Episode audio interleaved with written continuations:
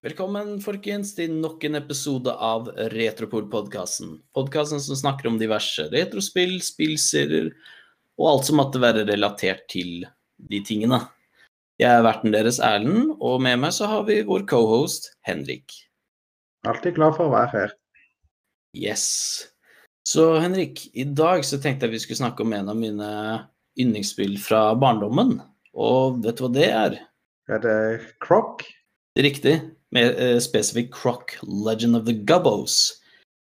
Og det er en av de spillene som jeg husker veldig godt fra barndommen. For når vi besøkte besteforeldrene våre i eh, Volda, så var jo det spillet tilgjengelig for oss, da. Så vi pleide å spille det når ikke vi, når vi hadde litt pauser, eller når besteforeldrene våre drev med andre ting, da. Og så når det kommer til det spillet, så hver gang jeg spiller det, så har jeg veldig sterke assosiasjoner med akkurat Volda, da. Men jeg skal ikke la barndomsminner komme i veien for uh, min vurdering av spillet, for jeg vil vurdere spillet sånn som det er, ikke basert på minner fra barndommen, da. Men da spør jeg deg, Henrik, når var det du spilte spillet? Jeg hadde ingen barndomsassosiasjoner til Croc. Selv om mange av vennene mine hadde PlayStation 1, så kjente jeg ingen som hadde Croc. Så jeg ble jo da introdusert til Croc med din anbefalelse. Så jeg plukket det opp på retrospillmessa, og så kjøpte jeg det der. Det tok meg da tre år før jeg skikkelig kom i gang med det, men eh, jeg fikk spilt det nylig. Det er liksom ikke alltid man får tid til å spille alle spillene egentlig man har i hylla, men jeg er i hvert fall glad du prøvde det til slutt, da, og likte det du spilte. Så for ja, de som uh, lurer, da um, Vi kan kjapt gå gjennom en liten history lesson, og det var jo at dette spillet var jo originalt uh, Skulle egentlig være 3D Yoshi-spill, da, uh, lagd av Arg Argonaut, da. Og, men da de presenterte det for Nintendo, så så de på det og var sånn mm, Nei, beklager, vi er ikke interessert. Så gikk Argonaut uh, til um, Fox Interactive, og, men da gjorde de et par endringer. Sånn gjør Yoshi om til eh, krokodillen Croc. Og hovedskurken i spillet, som antakeligvis skulle være Bowser, da, men gjorde han om til baron Dante. Så så Fox Interactive på det og bare Ja, dette ser gøy ut. Og så ble jo spillet utgitt da på PlayStation 1, Saturn, Sega Saturn og eh, Windows PC, da. Men uh, av de versjonene vi har spilt, så er det egentlig PlayStation 1-versjonen vi helst kan anbefale. Mest fordi den har det fullkomplette soundtracket og ser finest ut da, av uh, disse tre versjonene. Og så for de som ikke vet det, så er Croc en 3D-plattformer hvor du hvor du går fra Det er eh, delt opp sånn at eh, det er tre baner før en boss på én øy. da. Så du har tre leveler, midtveisboss, tre leveler til, og så er det hovedbossen for eh, det området. Så fortsetter det til du kommer til slutt til baron Dante, da, som er hovedskurken i spillet, som har eh, kidnappet eh, familien til Croc, da, som Croc må redde, da. Ja, og hvert enkelt bane Eh, objektet i hver enkelt bane er å komme fra punkt A til punkt B. Og da starter du i en verden med å kunne gå rundt som du vil. Du har 360 graders bevegelse, men banene er som regel lineære med noen punkter som er ganske åpne. Når du går rundt i verden, så er da målet å finne gobos som er gjemt rundt omkring på banen. Og prøve å finne gjemte, fargede edelsteiner. Når du samler alle fargede edelsteinene, så låser du opp et bonusområde rett med mål. Hmm. Det er jo egentlig Det er kult. Så jeg vil jo si en av de tingene som gjør Croc da, ganske unikt, unik, i motsetning til mange andre 3D-plattformer, er jo hvor egentlig bra spillet ser ut sånn atmosfærisk. Det level-designet er Når du spiller levelene, så føles det virkelig ut som du er i de områdene du er satt i. Enten det er eh, gressvulkanområdene i Gobbo Island, eller de snø, snø- og isområdene på Snøøya. Så har du ørkenbanene på Ørkenøya, og så har du Baron Dante slott, da. Der, jeg vil si at spillet er veldig flink til å på en måte fange din oppmerksomhet og få deg til å føles ut som du er i de områdene du er satt i. Ja, det har jo en ganske bra artstyle. De har teksturer, de har farger, og de har for så vidt varierte baner. Allikevel så er jo en del av banene ganske like hverandre, og det kommer av at spillet gjenbruker mange byggeklosser som de på en måte har brukt når de lagde banene. Det stemmer. Jeg vil ikke si at uh, Altså, det er jo ikke nødvendigvis det som Altså, alt er jo avhengig av hvordan banen er designet, vil jeg si. Og, ja. og kreativiteten brukt på banene. Det er mange forskjellige varianter, og de har skapt helt atmosfæriske baner der du må hoppe over åpent eh, himmel, til korridorer, til åpne landskap der du kan springe fritt rundt. Mm.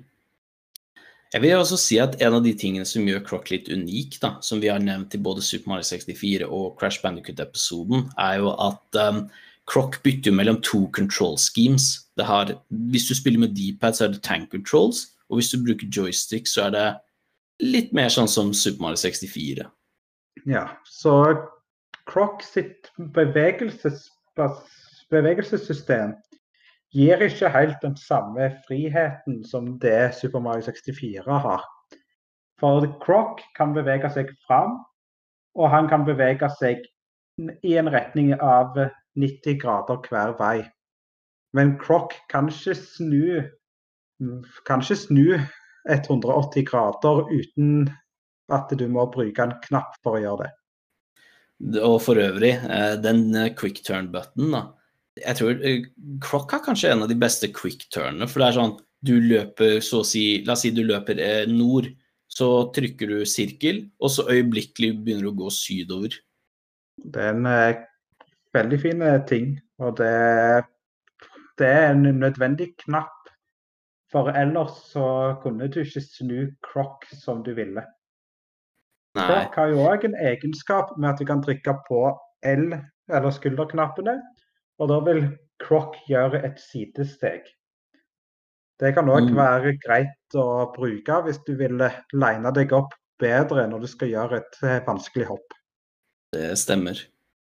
Så jeg vil si også en av de tingene som løfter Croc veldig opp, er jo at eh, og dette skal vi komme tilbake til. Spill i seg selv er kanskje Altså, det, det, er jo det er ikke et perfekt spill, det kan jeg innrømme. Men jeg føler det som løfter Croc kolossalt opp, det er soundtracket. Som for øvrig er komponert av Justin Sherwana. Men jeg vil si at dette er så å si hans magnum opus, fordi soundtracket er utrolig bra. Man skal aldri undervurdere hvor mye musikk kan løfte et presentasjon på et spill. Og Croc er jo et mesterklassen av hvordan musikk løfter hele inntrykket til spillet. Ja, jeg vil si Det som gjør soundtracket veldig bra, er jo at um, kvaliteten for det første på det er jo veldig bra til å være PlayStation 1. Men så har det også takten, altså trommene er catchy. Du har en rytme som får deg lett i humøret til banen. og altså det, det, Sånn som jeg har nevnt i stad, den er veldig flink til å bygge opp atmosfæren. sånn, hvis, Eksempel er jo hvis du spiller snøbane, så føles det ut som det er jul. Eller hvis du spiller ørkenbane, så føles det som du er i Mexico eller sånn uh, Persia. Hmm. Det som imponerer meg mest, egentlig, er at det er veldig mange variasjoner av musikken på et CD. Og all den musikken der er en eller annen form for CD-audio. Den, den, er ikke like høy som standard Redbook-audio. Men det at de har plass til alle de verdenene som de har, og all den musikken, er likevel imponerende med tanke på at en PlayStation 1-disk holder 700 megabyte. Mm, det er ganske imponerende.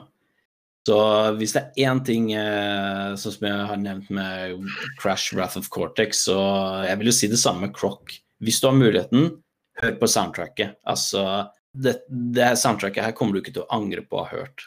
Du kommer til å ha et smil om munnen. Mm.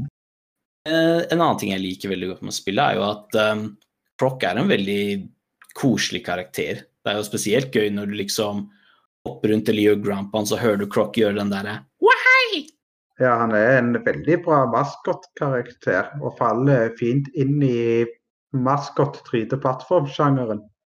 Han er søt og uskyldig, så han blir ikke irriterende som Bubsy. Oh, Og han Bubsy. føles òg naturlig ut i sitt spill. Bubsy er, eh, for å si det sånn, hvis du syns eh, puns kan bli irriterende, eh, Bubsy er pun machine. Stemmer det? Ja, en annen ting som også vi bør nevne, da, som jeg tror ikke ble nevnt i stad, det var at Croc har ikke helt samme livssystem sånn som i Super Mario 64, eh, Super Mario 64 eller Crash. Men her så er det sånn at du kan bli truffet så mange ganger du vil, så lenge du har gems på deg. da. Litt samme sånn som i Sonic the Hedgehog, hvor så lenge du har ringer på deg, så har det ikke noe å si hvor mange ganger du blir truffet. Stemmer det. Diamantene gjør heller ikke stort mer enn å gi deg liv når du har kommet til slutten av banen. Samler du 100 av de, så får du jo et ekstra liv òg. Men når det kommer til level-designet, da. Du nevnte i stad at uh, det er jo korridorbaserte leveler. da. Og det som er veldig bra med spillet, er at når du utforsker Eller for å si det på en annen måte eh, Det jeg liker med Crock, er at spillet i seg selv føles ut som belønningen. Altså, det, det har liksom ikke så mye med slutten av spillet, det er mer bare selve eventyret for meg som er belønningen. For det har vært ganger sånn som med soundtracket, hvor jeg kommer til et nytt område, så hører jeg en veldig god låt, så ender jeg bare med å stoppe med å spille, bare sånn at jeg kan sitte og høre på musikken lite grann. Og det som jeg nevnte tidligere, så er jo det som er design Det som er, det som er på en måte spesielt med Croc, er jo det at de bruker veldig mye prefabrikerte deler i sitt level design. Det gjør at flere av elementene finnes, kan du møte på i bane til bane til bane. Så det gjør jo at en del av strukturene der føles veldig likt. Og en av de grunnene til at de har gjort det, antakeligvis, er jo pga. at det øker produksjonen på hvert enkelt bane. Det reduserer filstørrelsen, og det gir muligheter for flere baner. Mm. Men eh, sånn som én En ting med dette spillet Dette er et spill som absolutt anbefales å fullføre 100 for det er da du får oppleve mest av banene og de der puzzle-områdene, da. For det er noen ganger hvor du vil komme til slutten Sånn La oss si du har en, den der døren med de ensfargede gemmene, da. Og så er det noen ganger for å få tak i de gemmene, de kan være Eller edelstenene. Eh, De er jo noen ganger gjemt blant vanlige edelstener, eller i kasser eller i områder som er vanskelig å komme til. Og det er først når du utforsker levelene, du får jo og går etter sånn 100 Det er da du virkelig får oppleve hvor bra level-designet kan være i Croc. Fordi jeg vil si det som trekker spillet ned, er jo hvis du ikke fullfører spillet 100 Og en av grunnene til det er jo det at eh, banene er designa for at du skal kunne finne hemmelighetene i banen. I motsetning til Crash Bandicoot, som er lineært hovedsett, hovedsakelig, så er jo det mer lagt til rette for at det skal gå fra A til B. Så da har de òg mye mer fokus på å gjøre den opplevelsen fra A til B interessant. Croc er mer interessert i å løse pusles og puzzles og det å kunne finne fram til hemmelighetene som finnes i hver enkelt bane. For hvis du bare bestemmer deg for å gå fra punkt A til B, så er det liksom Da går du egentlig glipp av spillet, vil jeg si. Ja, Men det er ikke nødvendigvis det eneste, for det er jo eh, to ting til, da. Jeg kan bare kjapt nevne at eh, det er noen ganger kameraet og kontrollen til Croc ikke helt følger med som det skal. Da. Det- Det skjer ikke, det skjer ikke hele tiden, det er bare noen ganger hvor det er veldig merkbart når det skjer at uh, du skal f.eks. hoppe til en plattform, men så velger kameraet å gå nesten alle veier før du liksom Kom igjen, vær så snill, la meg bare få se hvor jeg skal hoppe hen. Eller du noen ganger bare glir av en plattform, eller Croc stopper ikke opp med en gang. Det er litt, det, føler, det er, For å beskrive det, det er litt sånn Se for deg at det er såpe under Croc eh, sine føtter. Er sånn det noen ganger føles ut når du beveger Croc. Det er jo, et, det er jo en typisk eh, område der flere tidlige 3D-plattformer òg hadde de samme problemene. Det er akkurat det at det, det fungerer, men noen ganger så krasjer det litt. Mm. Så har vi bossene da i spillet. Det er totalt åtte vanlige, og så har du en uh, siste hemmelig boss, da. Men uh, ja Bosskvaliteten i spillet går diverse veier, vil jeg si. Noen er altfor enkle, noen er helt OK, og andre er rett og slett frustrerende.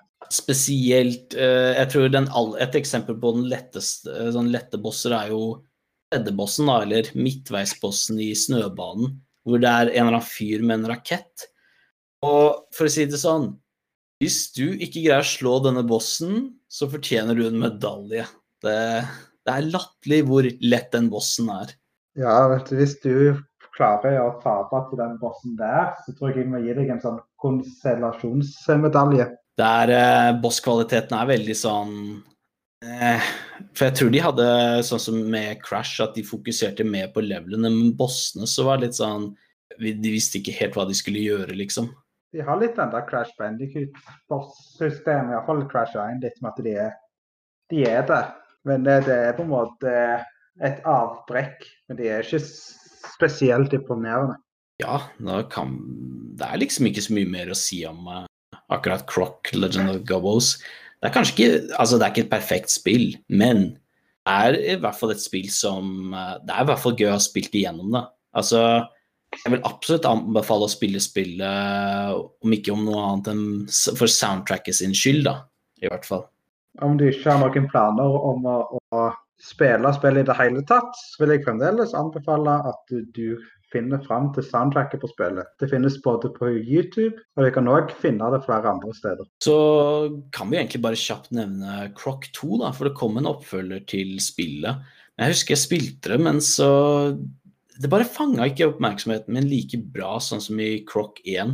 Den hadde litt mer sånn Banukazooie slash Spyro-aktig struktur, da, men jeg bare føler det spillet fang, liksom jeg, like, jeg, ble liksom ikke like interessert i det sånn som i eneren. Ja, det er litt det... En, uh, interessant hvordan Croc 1 minnes om uh, Crash Bandicut og Mario 64 og til tider tidlig 3D-plattformerspill, mens Croc 2 faller på en måte innimellom forbedringene som ble gjort av Crash Bandicut 3 Warped, Banjo Kazooie, Ape Escape og Spyro. Har du spilt uh, Croc 2? Nei, men jeg har hørt at det er ikke like bra som det siste. Nei. Men uh, etter det så skjedde det liksom ikke noe særlig mer etter uh, Croc 2. Det var liksom ingen Croc 3 og Det var jo et Gameboy Color-spill. Du hadde jo, Og så var det noen mobilspill, men etter det så bare stoppet Croc helt. Og det er egentlig litt synd, fordi hvis av alle folk Bubsy kan komme med et comeback, så burde jo ikke det være så vanskelig å få Croc tilbake. Ja, vi får håpe at det skjer en gang. Det, du hadde jo også den der PlayStation 4-spillet Dream, da, hvor folk kunne lage sine egne spill. Jeg husker En av de tingene jeg så derfra, var at noen hadde lagd en sånn HD-remake av uh, Croc. Det så jo veldig bra ut. så det er liksom, Jeg ville gjerne likt å se en Croc HD-remake, helt ærlig. Ja, det hadde vært veldig kult å ha sett et eller annet skje med Croc. Det er iallfall en spillsjanger som fortjener det. Man kan alltids håpe. Yes, det bringer oss til slutten av dagens episode. Takker gjerne, jeg takker dere for at dere hørte på, da.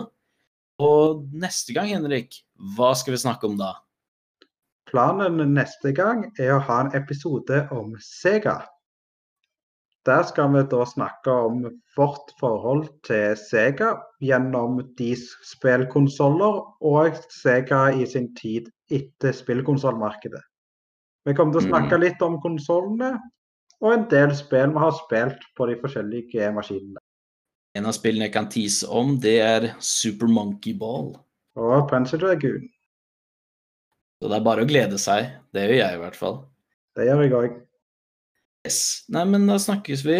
Så får dere ha en god, god dag, god kveld eller god ettermiddag. Ha det bra. Ha det bra.